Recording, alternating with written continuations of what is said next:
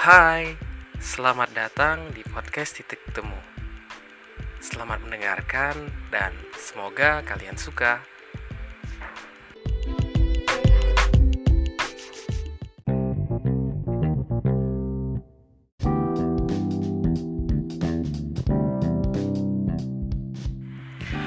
Hari ini aku mau ngebahas hal-hal yang lagi hangat-hangatnya nih diperbincangin di sosial media maupun di jagat permayaan Indonesia yang mengenai Menteri Sosial yang baru aja ditangkap KPK karena kasus korupsi dana bantuan sosial.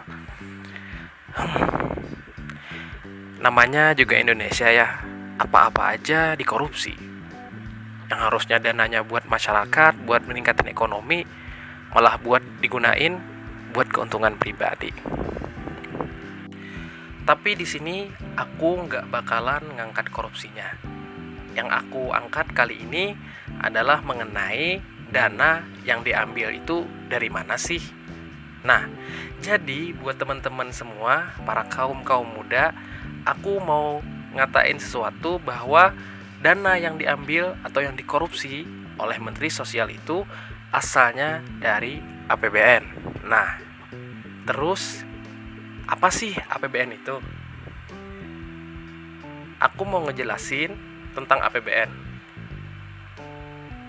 Dilansir dari situs resmi Kementerian Pendidikan dan Kebudayaan Direktorat Jenderal Kebudayaan. APBN itu merupakan bagian dari keuangan negara dijabarkan dalam Undang-Undang Nomor 17 Tahun 2003 tentang Keuangan Negara yang dimaksud dengan APBN adalah rancangan keuangan tahunan pemerintahan negara yang disetujui oleh DPR. Pasal 1 ayat 7. Kemudian terdiri atas anggaran pendapatan, anggaran belanja, dan pembiayaan.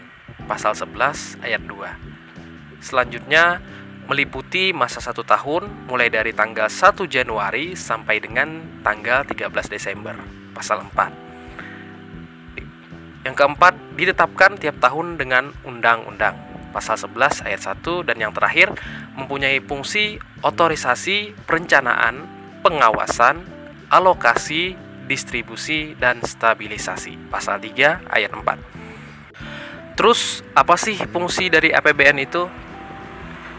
APBN itu selalu dikaitkan dengan tiga fungsi yaitu alokasi, distribusi, dan stabilisasi. Tetapi di Indonesia, berdasarkan pasal 3 ayat 4 Undang-Undang Nomor 17 Tahun 2003 ditegaskan APBN memiliki fungsi sebagai berikut.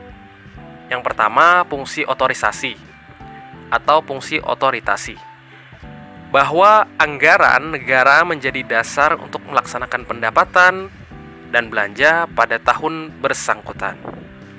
Yang kedua, ada fungsi perencanaan, bahwa anggaran negara menjadi pedoman bagi manajemen dan merencanakan kegiatan pada tahun yang bersangkutan. Lalu yang ketiga, ada fungsi pengawasan, bahwa anggaran negara menjadi pedoman untuk menilai apakah kegiatan penyelenggaraan pemerintahan negara sesuai dengan ketentuan yang telah ditetapkan. Dan yang keempat, fungsi alokasi. Anggaran negara harus diarahkan untuk mengurangi pengangguran dan pemborosan sumber daya, efisiensi dan efektivitas perekonomian. Yang kelima, fungsi distribusi. Kebijakan anggaran negara harus memperhatikan rasa keadilan dan kepatutan.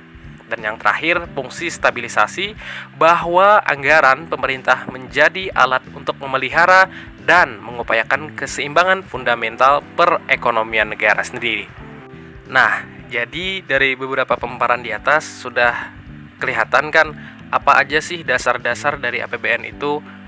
Intinya APBN itu adalah anggaran keuangan negara yang digunakan sebesar-besarnya untuk kemakmuran negara dan harusnya tidak boleh diselewengkan untuk hal-hal pribadi karena kita hidup di negara sosial yang mana itu melibatkan seluruh warga untuk bisa makmur sentosa di dalamnya.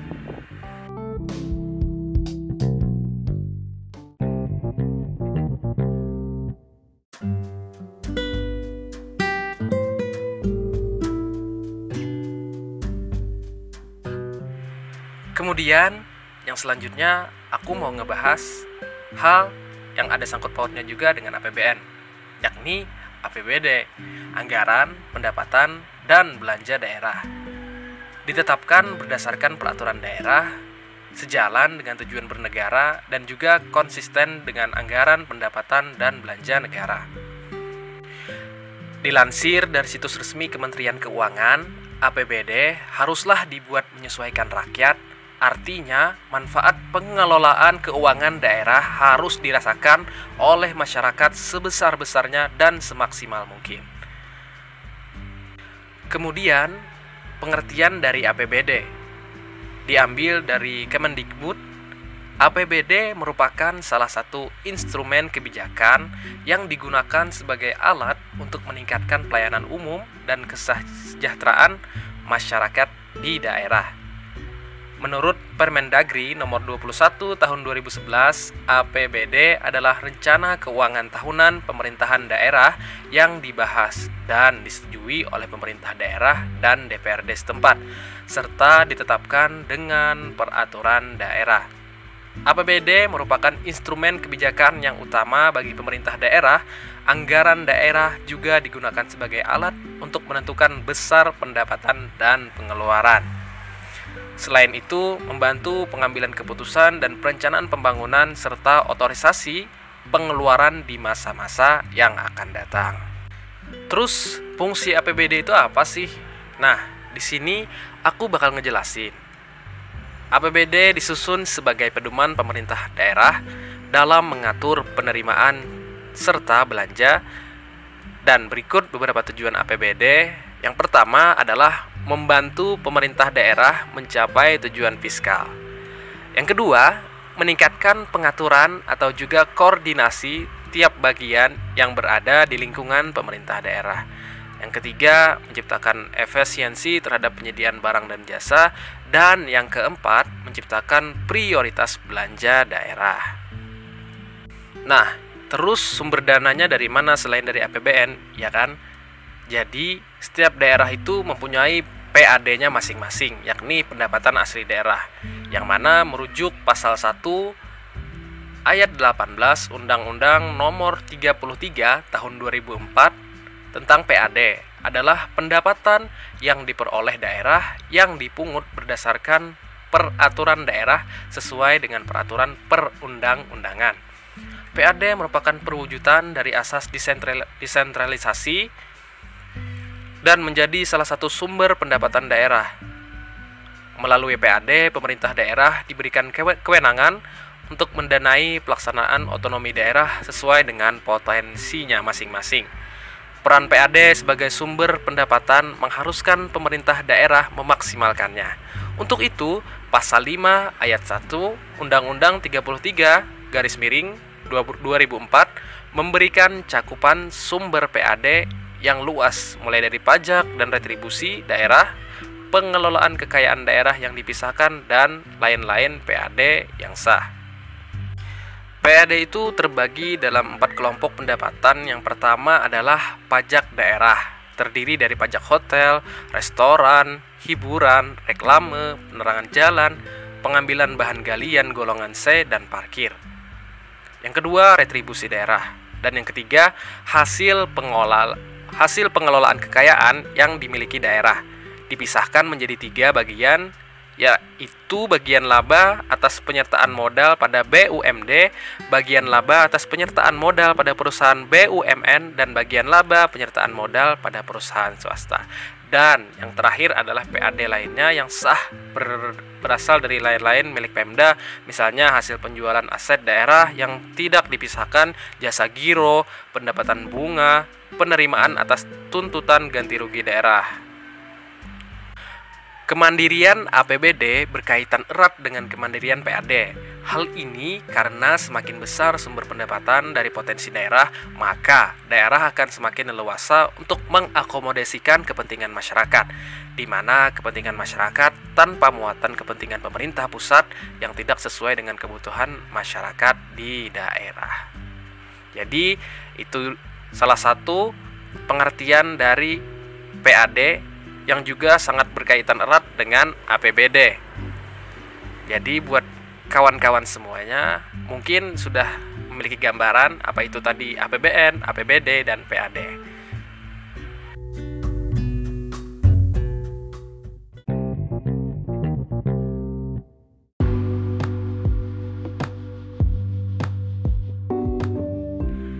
Nah, sampai juga nih kita di pembahasan terakhir. Aku mau ngebahas dan mau ngejelasin sedikit tentang wajar tanpa pengecualian. Unqualified opinion. Opini wajar tanpa pengecualian, biasa disingkat WTP, merupakan opini audit yang akan diterbitkan jika laporan keuangan dianggap memberikan informasi yang bebas dari salah saji material. Jika laporan keuangan diberikan opini jenis ini, artinya auditor meyakini berdasarkan bukti-bukti audit yang dikumpulkan perusahaan atau pemerintah dianggap telah menyelenggarakan prinsip akuntansi yang berlaku umum dengan baik. Dan kalaupun ada kesalahan, kesalahannya dianggap tidak material dan tidak berpengaruh signifikan terhadap pengambilan keputusan. Dan WTP ini juga biasanya diberikan oleh pemerintah pusat kepada daerah untuk mengapresiasi audit akhir keuangan dari daerah tersebut dengan baik yang mana itu merupakan sebuah penghargaan tahunan yang diterima kepada daerah-daerah yang melakukannya dengan baik. Kemudian yang menjadi pertanyaan adalah apakah WTP ini menjadi tolak ukur suatu daerah untuk bebas terhadap korupsi, kolisi dan nepotisme? Jawabannya adalah tidak. Kenapa? Karena ini merupakan predikat saja, bukan merupakan gambaran nyata yang terjadi di lapangan seperti itu. Karena banyak hal dan banyak saja oknum-oknum yang masih menyalahgunakan hasil-hasil audit tersebut, keuangan-keuangan tersebut dengan hal-hal yang tidak penting yang seharusnya bisa digunakan ke hal-hal yang lebih penting seperti itu. Jadi, walaupun ini hanya sekedar predikat, tapi ini merupakan satu langkah awal yang baik dan semoga nanti kita doakan saja ke depannya. Hal itu bisa langsung mendarah daging kepada setiap aparatur pemerintahan dan itu bisa menjadi kesejahteraan tersendiri, bisa menjadi sifat-sifat yang akan ditanamkan agar KKN bisa hilang dari para dari dalam diri para aparatur aparatur atau oknum-oknum tersebut. Kita doakan seperti itu. Dan demikianlah penjelasan dari saya. Semoga bisa menambah sedikit wawasan, senang bisa berbagi dan terima kasih sudah mendengarkan podcast ini dari awal. Semoga kalian suka dan sampai jumpa di podcast-podcast selanjutnya.